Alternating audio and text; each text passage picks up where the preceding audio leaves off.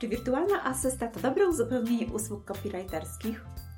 Czym jest recykling treści i jak go wykorzystać w marketingu online? Na co zwraca uwagę właścicielka firmy rekrutująca osobę z dobrym biurem? O tym wszystkim, między innymi, oczywiście, usłyszysz w dzisiejszym odcinku podcastu.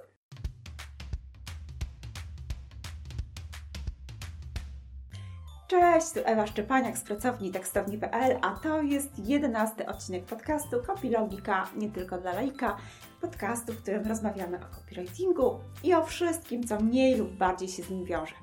Dziś poruszymy kilka takich tematów, pozornie może ze sobą niezwiązanych, ale posłuchaj, a wszystko się wyjaśni.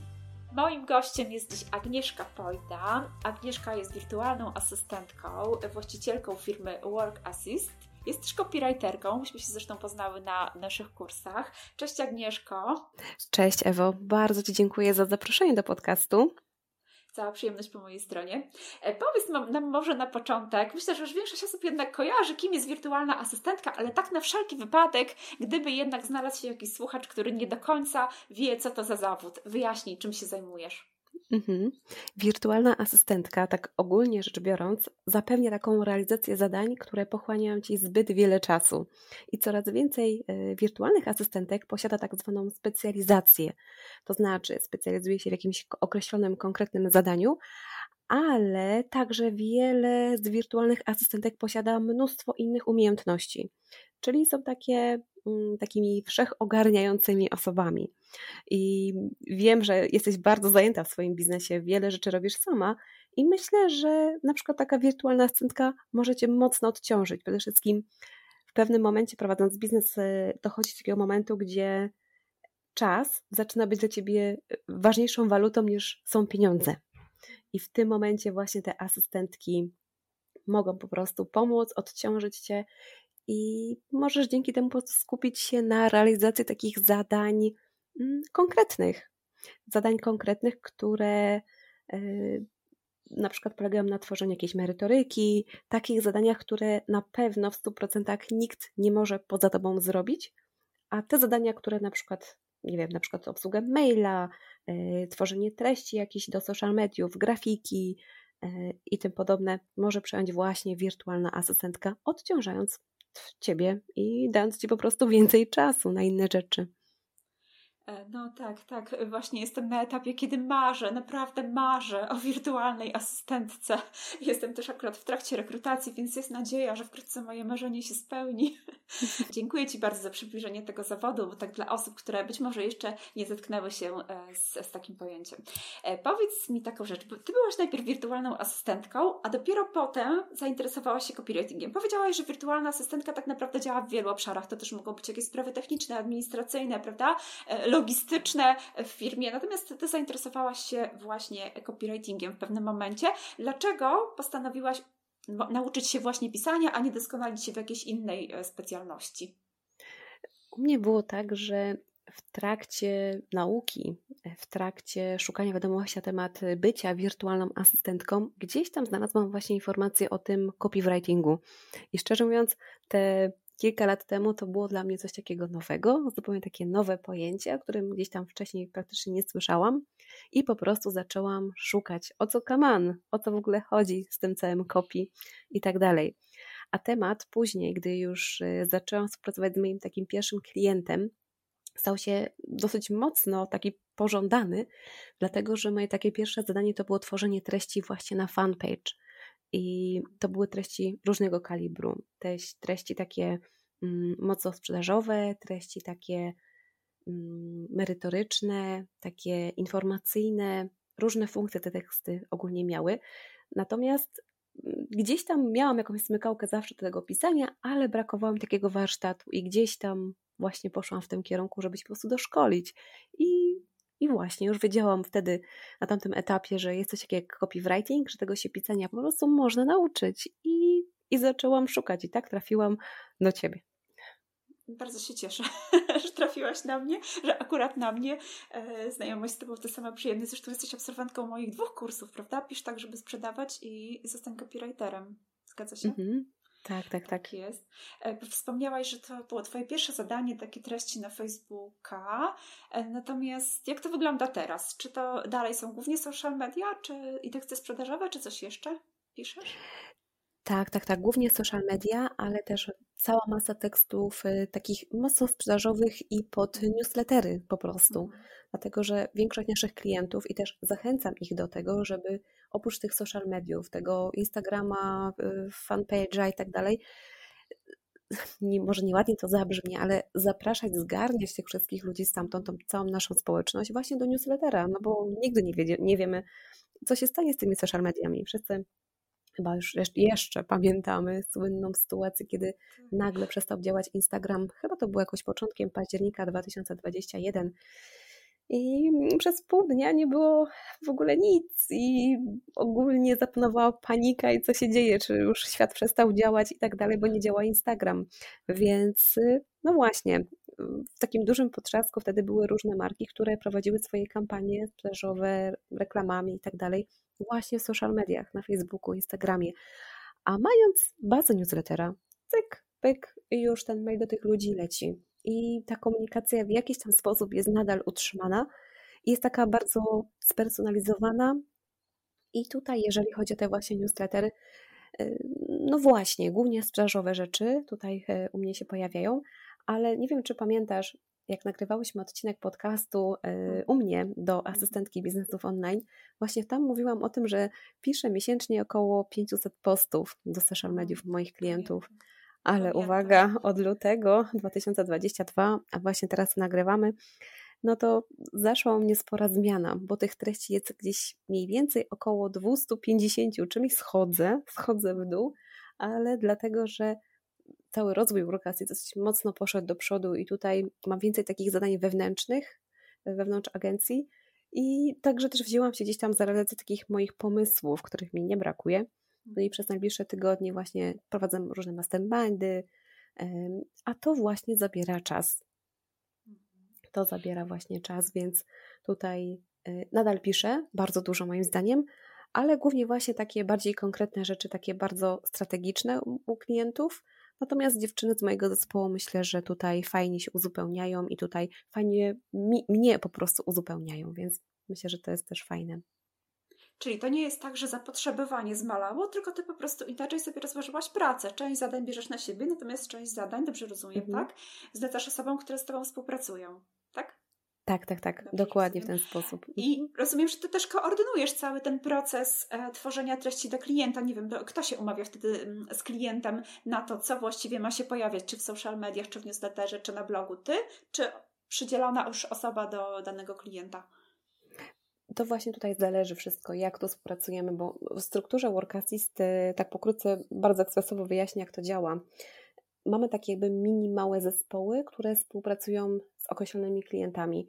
I to są zazwyczaj 3-4 osoby, które obsługują ciągle tych samych klientów. I tutaj tworzymy z każdym klientem tak zwany harmonogram treści. Tutaj wykorzystuję mhm. takie moje autorskie narzędzie Content Plan, w ramach którego tworzymy wszystko, co się zadzieje w danym miesiącu kalendarzowym. To znaczy jakiś webinar i wokół tego webinaru, jakie posty będą przed, w trakcie, po, e, co się ma zadziać na Facebooku, na Instagramie, w newsletterze, jakie maile pójdą.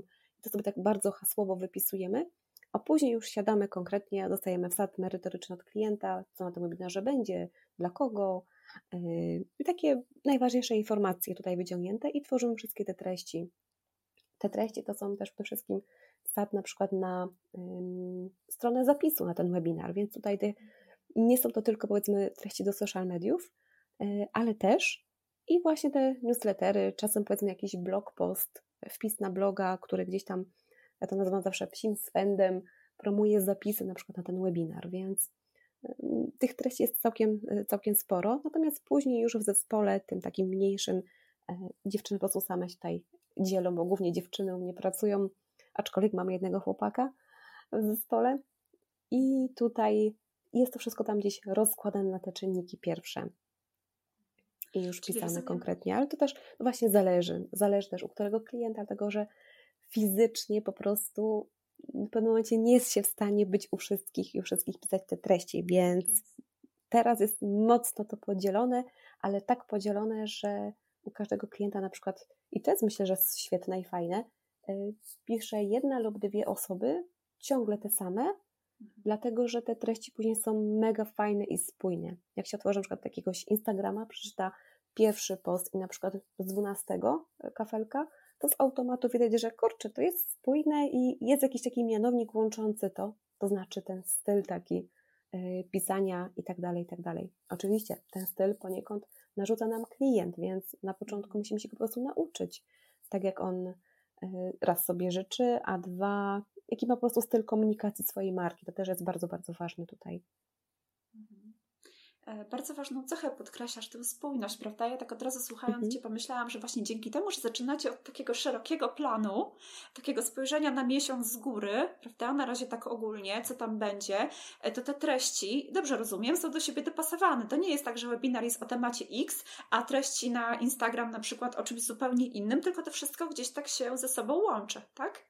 Dokładnie tak, dokładnie tak. Mi się bardzo podobają treści i marki, które są spójne, w których treści wszystkie Aha. Mhm. są spójne i właśnie wymyślając cały zamysł harmonogramu treści tego narzędzia, bo to jest po prostu zwykły jakby Excel zlokalizowany w dysku Google, także mhm. każdy w zespole ma do niego dostęp, łącznie z klientem przede wszystkim i po prostu właśnie takie duże kamienie sobie ustalamy, co takiego neuralgicznego się zadzieje w danym miesiącu i rozpisujemy po kolei wszystkie kanały.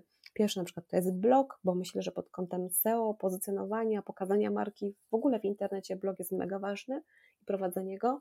Później te wszystkie newslettery, bo to jest genialny e, sposób komunikacji z klientem, a później na przykład fanpage, jedna, druga, trzecia grupa na Facebooku, Instagram, relacje, mm, co jeszcze tam możemy mieć? LinkedIna, Twittera, mm, podcast, reklamy na Facebooku, kiedy, jakie, o czym idą, nowe produkty w sklepie, kiedy mają się pojawić.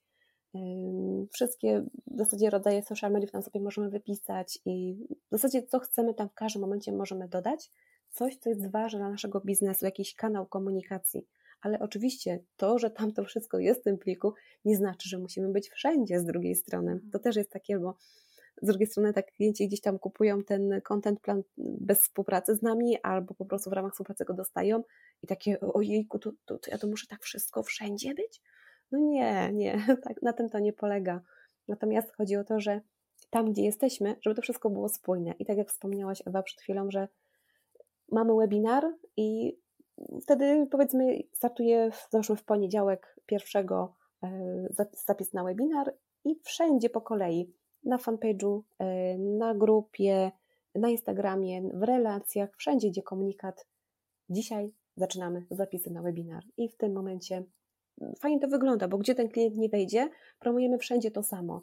I, i to jest mega, mega, mega fajne i takie bardzo właśnie spójne. A o to właśnie chodzi. Mhm. E, a jak wiemy, klient powinien się z danym, z danym komunikatem zetknąć określoną liczbę razy, to zdaje się jest 7, tak? Żeby do niego mhm. dotarło, że warto. Mhm. To też, to też racja. Takie są chyba mhm. badania, że, że to jest 7, 7 mm, spotkań z danym komunikatem, czy 7 spotkań z marką, zanim zdołamy go przekonać, że powinien e, skorzystać z danej oferty. E, tak jak wspomniałaś, miałyśmy już okazję nagrywać jeden podcast. Ja tutaj przy okazji podam link do tego podcastu, bo jeszcze nie miałam okazji się nim pochwalić, bo to było jakoś tak przed samymi świętami Bożego Narodzenia, e, więc będzie tutaj dwie pieczenie na jednym ogniu, ale przy okazji tego podcastu przekonałam się, że w ogóle genialnie, genialnie potrafisz wykorzystać jeden materiał na kilka sposobów. Naprawdę byłam pod wrażeniem, że myśmy nagrali podcast, a z tego podcastu e, powstał i newsletter, i, i post, zdaje się, do social mediów, e, i post na blog, i jeszcze właśnie sam podcast. E, to się nazywa recyklingiem treści. Czy możesz opowiedzieć trochę o tym, na czym taki recykling polega? Jaka jest Twoja recepta na to, żeby wielokrotnie wykorzystać jedną treść? Czy to dla siebie, czy dla klientów? Gdybyś miała mhm. coś doradzić tej copywriterom, którzy stają w takiej sytuacji, bo nie zawsze też jest tak, że ktoś trafia pod skrzydła osoby, która to wszystko koordynuje. Czasem jakiś copywriter może dostać od klienta zadanie stworzenia po prostu, prowadzenia jakby całego content marketingu. No nie wiem, czy to jest zadanie dla copywritera już tak e, samego, ale powiedzmy, no klienci są różni, e, czasami mają ograniczone budżety, może być tak, że ktoś dostaje takie zadanie, żeby tworzyć treści do wszystkich mediów, do newslettera. E, jak tutaj sobie poradzić sprytnie właśnie dzięki recyklingowi? Mhm, jasne. Przede wszystkim to mega ułatwia pracę i tak e, ogranicza zaangażowanie czasowe klienta w przygotowanie takiego merytorycznego mm, materiału. Przykładowo, bo na przykładzie chyba będzie tak najlepiej e, omówić taką sytuację recyklingu treści. To znaczy, klient na przykład przygotowuje webinar. Raz daje nam sad merytoryczny, o czym będzie ten webinar, dla kogo on będzie i tym podobne, a później przeprowadza sam ten webinar na żywo. I tutaj teoretycznie kończy się praca klienta. I wtedy wkraczam na przykład ja i z tego samego nagrania webinaru możemy zrobić po pierwsze yy, mamy webinar, który jest z wideo. Możemy z wideo wyciąć yy, audio. Już mamy podcast. Dwa, możemy zrobić sobie transkrypcję, na przykład jeden na jeden i wykorzystać ją do blog posta. Trzy, z tej samej transkrypcji możemy zrobić wpisy w social mediach. Na przykład wymyślić taką serię jak Złote myśli klienta, e, a pytania, które na przykład pojawiły się od uczestników, mogą być kolejnymi jakby wpisami na, e, w social mediach, albo nawet na bloga, albo pojawić się w newsletterze, jako takie fajne rzeczy. I w tym momencie, jak te pytania są jakieś takie fajne, klient gdzieś tam w trakcie webinaru na nie odpowiedział przy okazji, e, zawsze pada takie moje pytanie, czy ten temat odpowiedź na to pytanie konkretnie było u Ciebie poruszane na przykład w jakimś innym webinarze, w jakimś podcaście, w szkoleniu, a może w jakimś kursie online, który gdzieś tam mamy na platformie, a może jest w jakimś e-booku. Jeżeli mam odpowiedź twierdzącą, jaki mnie skieruje tak, idź w to wideo, tam to było, ok, to ja sobie zrobię jeszcze transkrypcję tego wideo, albo wyciągnę ten tekst, skupię sobie z e-booka i lekko tam przerobimy i mamy genialny wpis e, na bloga, e, czy też kolejne treści do social mediów i tak dalej, i tak dalej. Czyli tutaj mam taką sytuację, że content rodzi kolejny content automatycznie i to jest takie wtedy easy peasy Japanese, jak ja lubię mówić, takie bardzo proste.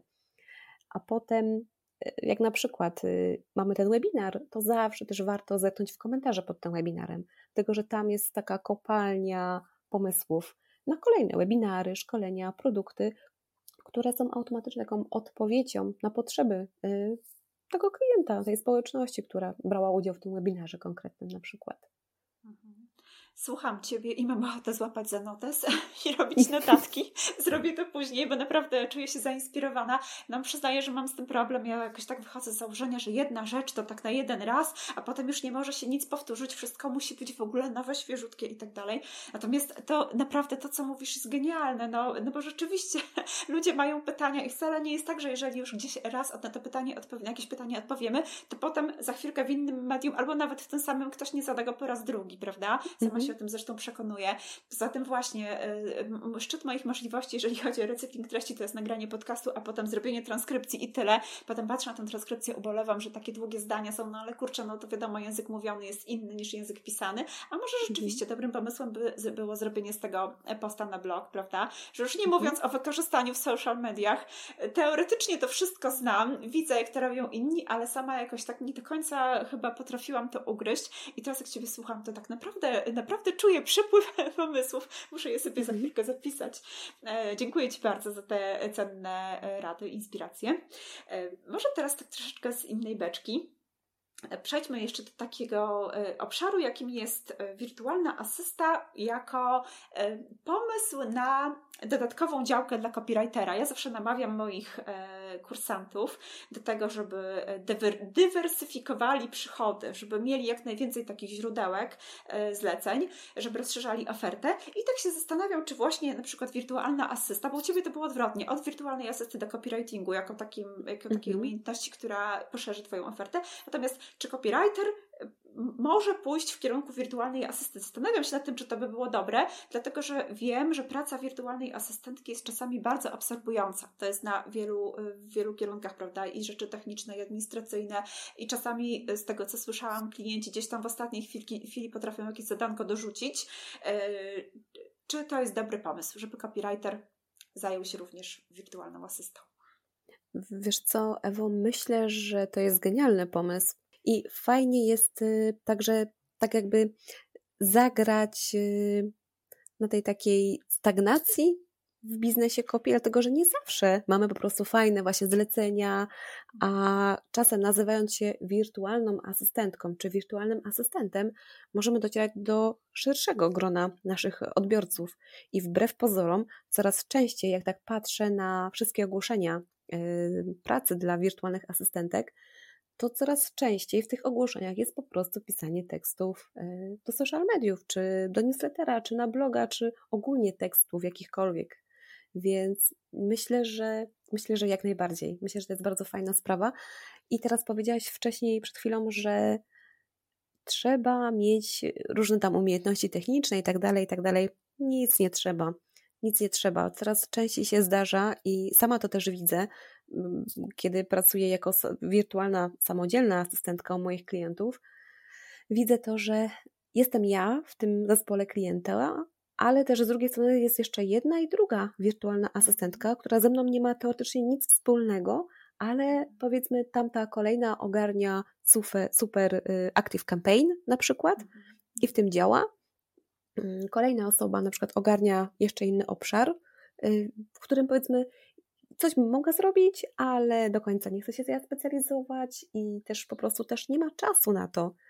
Więc myślę, że to jak najbardziej, jak najbardziej jest genialne. A tak samo widzę po agencji, jak y, w zespole pracujemy z dziewczynami, każda ma tam jakąś swoją konkretną działkę i każda tutaj fajnie działa.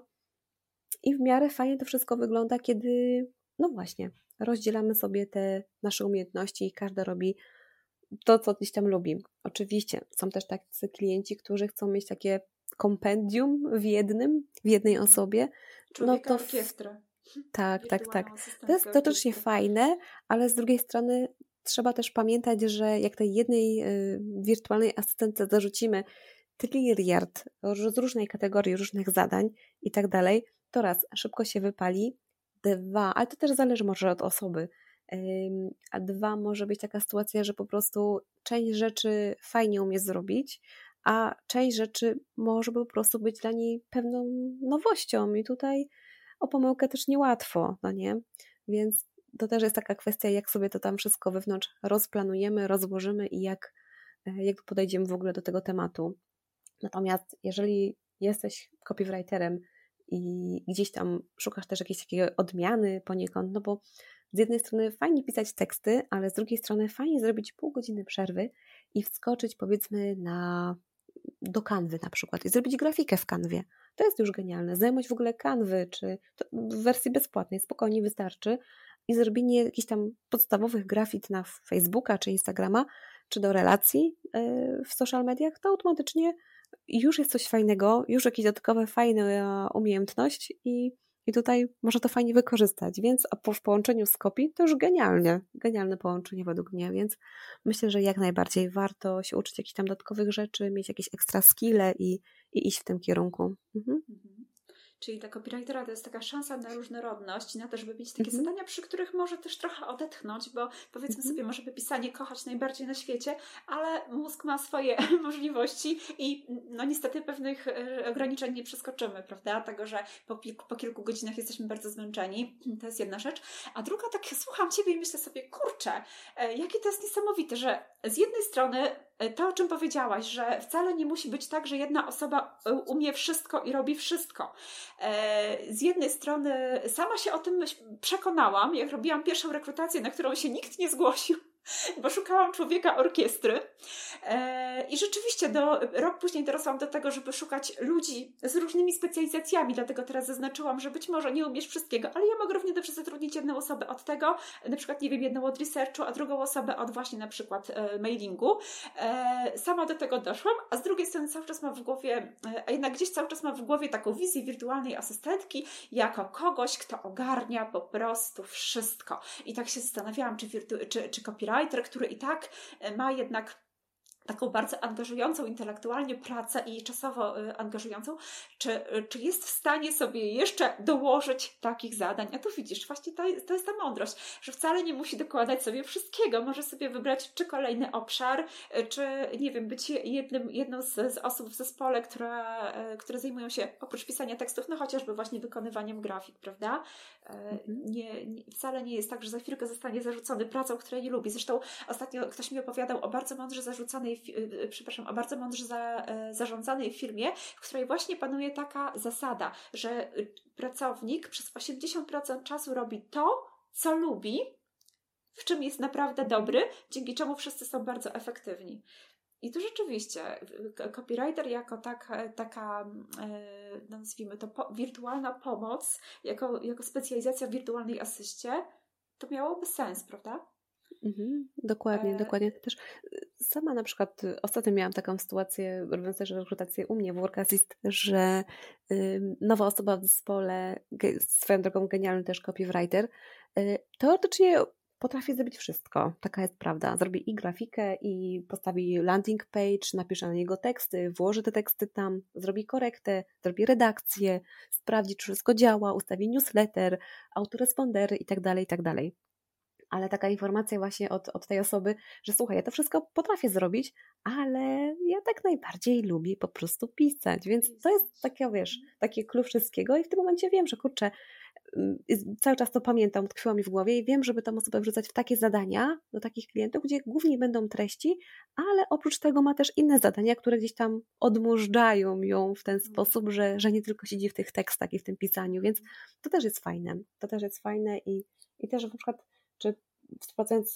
z klientem, warto właśnie wiedzieć i powiedzieć po prostu wprost klientowi, że słuchaj, e, potrafię zrobić to i to i to, ale w tym się najlepiej czuję i to po prostu uwielbiam robić, nie? Więc to też jest fajne, takie, taka po prostu szczerość już na wstępie, czy, czy w trakcie współpracy, jak tam się różne zadania pojawiają, pojawiają i pojawiają. Tak, jak najbardziej jestem fanką szczerości i dlatego też pytałam od razu w ankiecie, co lubisz robić, które zadania lubisz robić, których mm -hmm. po prostu nie lubisz, nie? I, i myślę, że to jest, waż, e, to jest e, ważna rzecz, którą trzeba wziąć pod uwagę jednak przy przydzielaniu zadań.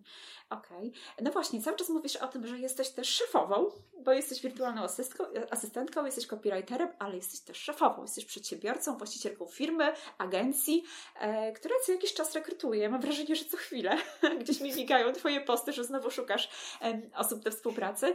E, więc Cię podpytam, ponieważ staram się tutaj każdego gościa, który e, miał kiedyś do czynienia z jakąś rekrutacją, podpytać tak pod kątem właśnie rad, złotych rad dla copywriterów szukających zleceń i starających się o kolejne współprace. Może masz jakieś rady dla osób, no konkretnie dla naszych właśnie copywriterów, dla osób zajmujących się głównie pisaniem, które szukają zleceń. E, co ty jako przedsiębiorca, który szuka współpracowników, e, cenisz sobie u kandydatów? Na co zwracasz uwagę? Mhm. Dzisiaj chyba sprawdzam przede wszystkim portfolio dlatego że nie ukrywam, że w mojej karierze miałam do czynienia z różnymi osobami i miałam takie sytuacje, gdzie zatrudniłam kogoś i teoretycznie y, ktoś powinien fajnie pisać i tak dalej, a no wychodziło z tym różnie. Wychodziło z tym różnie niestety.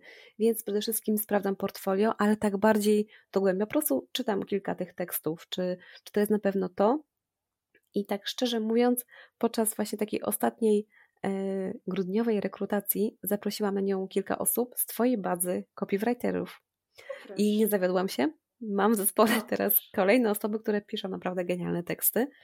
I teraz na przykład, gdy mam coraz mniej czasu i skupiam się właśnie na tych konkretnych, sprawdzonych osobach, więc fajnie też iść jakie, za, za jakimiś poleceniami, kogoś z branży na przykład i tak dalej, fajnie też patrzeć na niekoniecznie może, bo też z drugiej strony miałam takie sytuacje, że też mam w zespole osoby, które nie skończyły żadnych kursów, ani copywriterskich, ani na wirtualną asystentkę, ale potencjalnie w swojej ofercie przedstawiały takie rzeczy, że mogą po prostu pisać, miały jakieś tam niewielkie już portfolio i okazało się być takimi perełkami, że no wymiatają, naprawdę wymiatają jak, jak rasowy copywriter, nie mając w ogóle takiego copywriterskiego e, warsztatu. Natomiast to jest taki, myślę, chyba może wrodzony talent, a ja gdzieś tam po prostu mam szczęście takich osób i, i gdzieś tam je przyciągam, więc to też jest fajne. To też jest fajne, a poza tym, jeżeli ktoś coś lubi robić, ale tak z głębi serca, tak to powiedzmy, no to wtedy to się fajnie sprawdza. No ale przede wszystkim dla mnie takim priorytetem dzisiaj, podsumowując to pytanie, to jest po prostu sprawdzenie portfolio. To, czy, czyli potwierdzasz to, że nie certyfikat jest najważniejszy, tylko portfolio. Ja dosłownie parę dni temu miałam spotkanie z moimi kursantami. Pierwsze spotkanie, takie sesje pytań i odpowiedzi wprowadziłam w tej edycji kursu, coś takiego jest. I padło właśnie pytanie, czy copywriter musi mieć certyfikat? No i mówię, że no mi się nigdy nie zdarzyło, żeby ktoś mi powiedział, e, zaraz, zaraz, zanim pani napisze tekst, proszę mi okazać certyfikat, że pani ma do tego prawo. Mm -hmm. I to, co mówisz, myślę, że potwierdza. Czy pytałaś kiedyś kogoś, ale zaraz, zaraz, zanim cię zatrudnię, pokaż mi tutaj swoje certyfikaty. Rozumiem, że teraz, może nawet jeśli tak było, to teraz już nie pytasz o to, tylko pytasz przede wszystkim, pokaż mi swoje teksty. I na tej podstawie Dokładnie. ocenimy. Dokładnie tak, dlatego że szczerze mówiąc, ja nawet nie mam zielonego pojęcia, jakie wykształcenie, jakie studia, na przykład, czy jakąś średnią szkołę, jakie kierunki skończyły dziewczyny w zespole. No Ostatnio mi się zdarzyło zapytać tam jedną, czy któraś jest po finansach, czy czymś takim, bo mamy klientkę, która gdzieś tam w takim kierunku e, tam działamy i no fajnie jak ktoś się zna na rzeczy i ma pojęcie na dany temat z tej strony, mhm. dlatego, że po prostu takie sobie jest łatwiej pisać takie teksty na przykład, nie? I z mhm. takimi zdaniami pracować. Natomiast y, szczerze mówiąc, poza tym to nie wiem. To nie wiem, jakie tam mają wykształcenia, czym tam się wcześniej zawodowo zajmowały i tak dalej. I szczerze mówiąc, tak średnio taka wiedza jest y, mi potrzebna, no bo w zasadzie chodzi o to, co mamy tu i teraz, a ja na przykład z założenia powinnam być księgową, siedzieć sobie w jakimś biurze rachunkowym i, i klepać faktury. No nie, a nie, nie, nie, to nie dla mnie, to nie dla mnie. No więc gdzieś tam zrobiłam jakieś kursy, czegoś tam się nauczyłam i robię coś totalnie innego, niezwiązanego z księgowością, aczkolwiek no wiadomo, jak się prowadzi firmę, tą księgowość też tam trzeba jakąś prowadzić, nie? Więc gdzieś tam pod tym kątem to się to przydaje. Mm, I te pieniądze na te studia nie są gdzieś tam pieniędzmi wyrzuconymi u mnie, ale no właśnie, no właśnie, jako tako żadne certyfikaty to po prostu jest niepotrzebne moim zdaniem. Liczy się to, co się po prostu umie w chwili obecnej na rynku. Czyli, czyli przede wszystkim umiejętności, które widać, mhm. miejmy nadzieję, widać w portfolio. E, a jeśli chodzi o jakąś postawę, na przykład to, jak e, osoba z Tobą rozmawia, to jak się kontaktuje, co jest mile widziane? Mhm. Hmm do tego chyba bardzo tak indywidualnie podchodzę, bo mm, na przykład gdy ja wybieram osobę do zespołu, mamy te spotkania rekrutacyjne i tak dalej, no to dla mnie ważne jest to, żeby tak e, taka osoba była otwarta, aczkolwiek mam różne osoby w zespole. Są to osoby bardzo otwarte, osoby też e, bardzo nieśmiałe, osoby też, które są um, takimi duszami towarzystwa albo bardziej stonowanymi, więc myślę, że to tam nie ma znaczenia. Ważna jest taka po prostu otwartość w jakiś sposób i takie, mm, taka sam, umiejętność samodzielnego działania, bo mamy takich klientów, którzy po prostu lubią, gdy wychodzi się, słuchajcie, wiesz co, zrobilibyśmy to, to i to, a potem może jeszcze to, tak mm, żeby ta osoba po prostu wyszła i, i powiedziała też, co myśli też co myśli, bo też czasem klienci nas pytają o zdanie. Na przykład ja nie mam w ogóle żadnych ogródek, żeby powiedzieć klientowi, hej, wiesz co, no to będzie beznadziejne i to nie wypali. No coś ty. I, I czasem klienci są tak zszokowani z jednej strony, ale z drugiej strony, jak rzeczywiście robimy to, staramy się, treści są genialnie przygotowane, a suma summarum cała akcja jest jednym wielkim niewypałem, no kurczę, miałaś rację, to jeszcze nie ten etap, na którym mogę wyszczelić z czymś takim do moich e, klientów, więc to gdzieś tam się sprawdza z jednej strony, a z drugiej strony klienci też oczekują takiej od nas wszystkich, czy nieważne już, nie mówimy już o workasty, tylko ale o tych wirtualnych asystentkach, żeby gdzieś tak iść do nich i po prostu powiedzieć, co, co myślimy o tych niektórych pomysłach, bo niektóre są naprawdę genialne, a niektóre no, mogą wyjść różnie, więc tutaj Przede wszystkim taka szczerość. Może chyba to jest takie, takie, takie najważniejsze. A tak czy siak, czy prędzej, czy później, to, że ktoś tam coś powiedzmy naściemniał, nieładnie mówiąc, w portfolio, to wyjdzie, no bo to po prostu to widać już na pierwszy, drugi rzut oka, jak tam zaczniemy tą współpracę. Y, potwierdzam z perspektywy klienta, rzeczywiście ja, ja, też marzę o takiej osobie, która mi szczerze powie, która mi trochę doradzi, która mnie trochę przypilnuje. Także y, potwierdzam, taka proaktywność to jest bardzo, bardzo mhm. cenna cecha. E, natomiast jeszcze się zastanawiam nad taką rzeczą, bo właśnie masz agencję, zatrudniasz co chwilę ludzi, więc potencjalnie jesteś takim, przepraszam za brzydkie słowo, celem, taką osobą, do której można no, tak na ślepo spróbować wysłać mail z, z taką propozycją, czy nie byłaby Pani zainteresowana moimi usługami. Powiedz mi, bo to jest też częste pytanie, czy y, po takich początkujących copywriterów, czy jak ja wyślę gdzieś, no właśnie, na przykład swoją aplikację, czy tam swoją um, propozycję współpracy, to czy to zaraz nie będzie odebrane jako spamowanie? Jak Ty to widzisz? kiedy piszę, to dopisałby do Ciebie powiedzmy copywriter, chociażby absolwent mojego kursu i zaproponował, że no widzę, że Pani zajmuje się takimi rzeczami, ja akurat e, piszę, zajmuję się tworzeniem treści, mógłbym, mógłbym czy mogłabym wesprzeć w takim i takim zakresie. Jak byś to odebrała? Zdenerwowałabyś się, że ktoś Ci zaśmieca skrzynkę i w ogóle jak śmie, bo przecież prawo i tak dalej? Czy spojrzałabyś na tę ofertę jednak tak? Ofertę, czy może jeszcze na razie takie zapytanie przychylnym okiem? Mhm. Wiesz co, pierwsza moja myśl, jak zaczęłaś to pytanie, Zapraszam wszystkich yy, kursantów Ewy Szczepaniak do kontaktu na kontakt małpoworkasys.com. Jeżeli jesteś po jej kursach, zapraszam, wyślij mi maila, bardzo chętnie się z Tobą skontaktuję i porozmawiamy. Dlatego, że cały czas zespół się rozszerza, więc yy, potrzebujemy dobrych copywriterów, a tutaj jestem pewna, że jeżeli jesteś po tym kursie, masz dobry warsztat. Więc yy, jestem osobą dosyć otwartą. Wiem oczywiście RODO i tak dalej, i tam są no właśnie, różne te kwestie związane z tym, czy wysyłać tę ofertę, czy to jest legalne i tak dalej, i tak dalej. Są tam różne przesłanki za, przeciw i tak dalej, takie prawne stricte. Natomiast ja nie mam z tym najmniejszego problemu i szczerze mówiąc, sporo takich maili dostaję. Z góry przepraszam wszystkie osoby, którym jeszcze nie odpisałam. Jestem na etapie czytania tych maili, zbierania ich i na pewno mam nadzieję na dniach, tygodniach uda mi się w końcu e, odpisać, dlatego że tak, raz szykuję się do kolejnej rekrutacji w zespole, a dwa, nie mam po prostu czasu, nie mam czasu, więc y, tak to u mnie wygląda, ale jak najbardziej. Ja jestem za tym, żeby spisać takie maile, bo tylko kwestia jest też taka, że różne takiego maila można napisać. I Właśnie. kiedyś gdzieś mi tam y, ktoś podał taki przykład, że y, klienci można, mogą różnie zareagować na takiego maila. To znaczy, Gdzieś tam znalazłam jakąś treść jakiegoś klienta potencjalnego, czytam ją sobie, kurczę, no jakby napisał to tak i tak, to wtedy by lepiej zarobił. Albo nie wiem, wchodzę na stronę internetową, też na przykład stronę na WordPressie stawiam, kurczę, ale ma ciężkie zdjęcia, w ogóle nieskompresowane, niezoptymalizowane. Tak, mogę wysłać maila, że hmm, hmm, tutaj ma pan to, tamto, siamto, Mm, tutaj mogłabym zrobić to i to, gdyby Pan był zainteresowany współpracą, to zapraszam do kontaktu.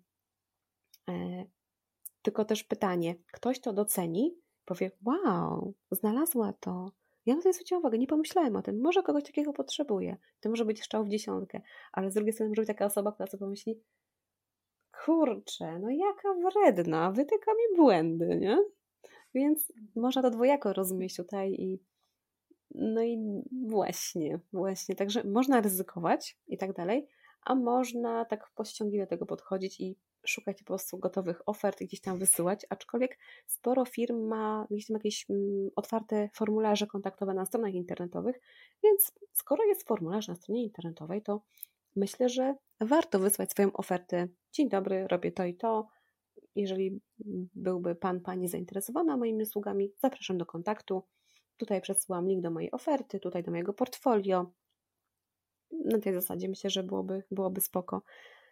Mhm.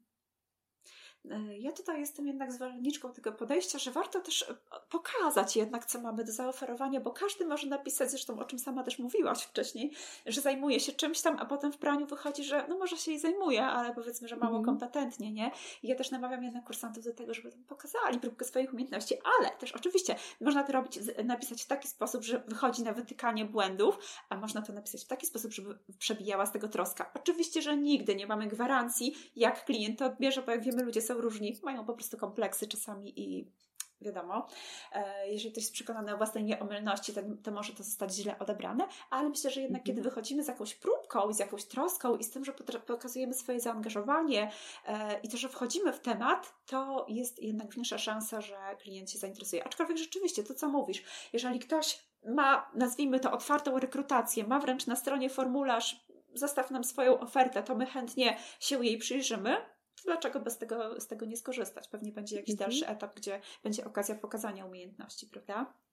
Dokładnie, dokładnie no. tak. Dobrze, Agnieszko, bardzo, bardzo Ci dziękuję za wszystkie rady, za wszystkie inspiracje i dla mnie, i dla naszych słuchaczy. Powiedz jeszcze na koniec, gdzie można Cię znaleźć czy, i, i, może czy osoba zainteresowana działalnością jako wirtualna asystentka, bo już wiemy, że copywriterzy mogą do Ciebie pisać, a czy osoba, która no może niekoniecznie jest zainteresowana w tym momencie znalezieniem kolejnego klienta do, yy, na teksty, natomiast zastanawia się, a może by tak jednak spróbować wirtualnej asysty. Czy taka osoba może do Ciebie dopisać? Gdzie możecie znaleźć? Mhm.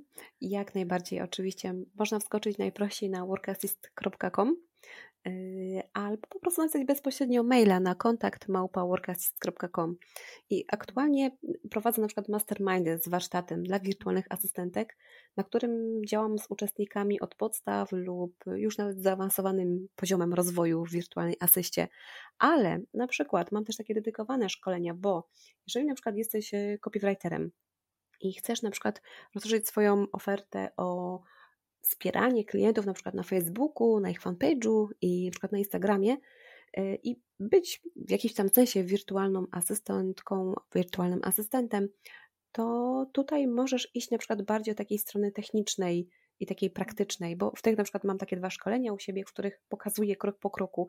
Słuchaj, wchodzisz na fanpage, tak zmienisz to zdjęcie, tak dodasz posta, tak zrobisz to, tak zrobisz tamto, bo wbrew pozorom to, że mamy swoje prywatne konto y, na Facebooku i że postujemy tam raz na jakiś czas, czy doceniamy jakiegoś posta kogoś, to nie znaczy, że potrafimy obsługiwać fanpage, Facebooki, nie wiadomo co jeszcze, co tam jest. Natomiast w tych szkoleniach pokazuję na przykład takie, takie proste rzeczy, bo wbrew pozorom kilka lat temu, gdy ja zaczynałam, tego mi nikt nie pokazał. Pokazał mi, jest Facebook, możesz tam pisać tak posty, planować je dla klientów, ale nie pokazał, jak to zrobić. Jak sobie wykorzystać kreatora studio i tak dalej, i tak dalej, na przykład pod tym kątem, jak zaplanować posta na Instagramie w ogóle, czy jest taka opcja? Także to są takie pytania, które gdzieś tam często się pojawiają i na przykład można, jak mówiliśmy wcześniej właśnie o tej opcji jestem kopii i może będę WA, to myślę, że tutaj można z tego na przykład skorzystać i, i może to być fajne i pomoże rozszerzyć właśnie tą ofertę.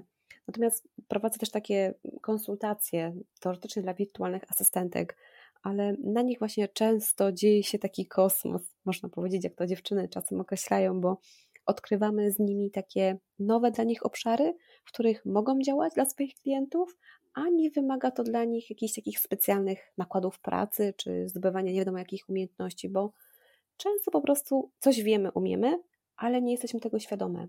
I na przykład tutaj y, skupiam się głównie pod kątem takiego odkrywania tych naszych ukrytych mocy mm, w trakcie tych y, konsultacji z wirtualnymi asystentkami czy osobami, które chcą być wirtualnymi asystentkami, więc myślę, że to też jest taka fajna sprawa, więc na te rzeczy mogę zaprosić, albo po prostu na kontakt na maila, bo mm, no, maila zawsze można napisać. Ja zawsze odpiszę, więc y, gdzieś tam coś potrafię doradzić.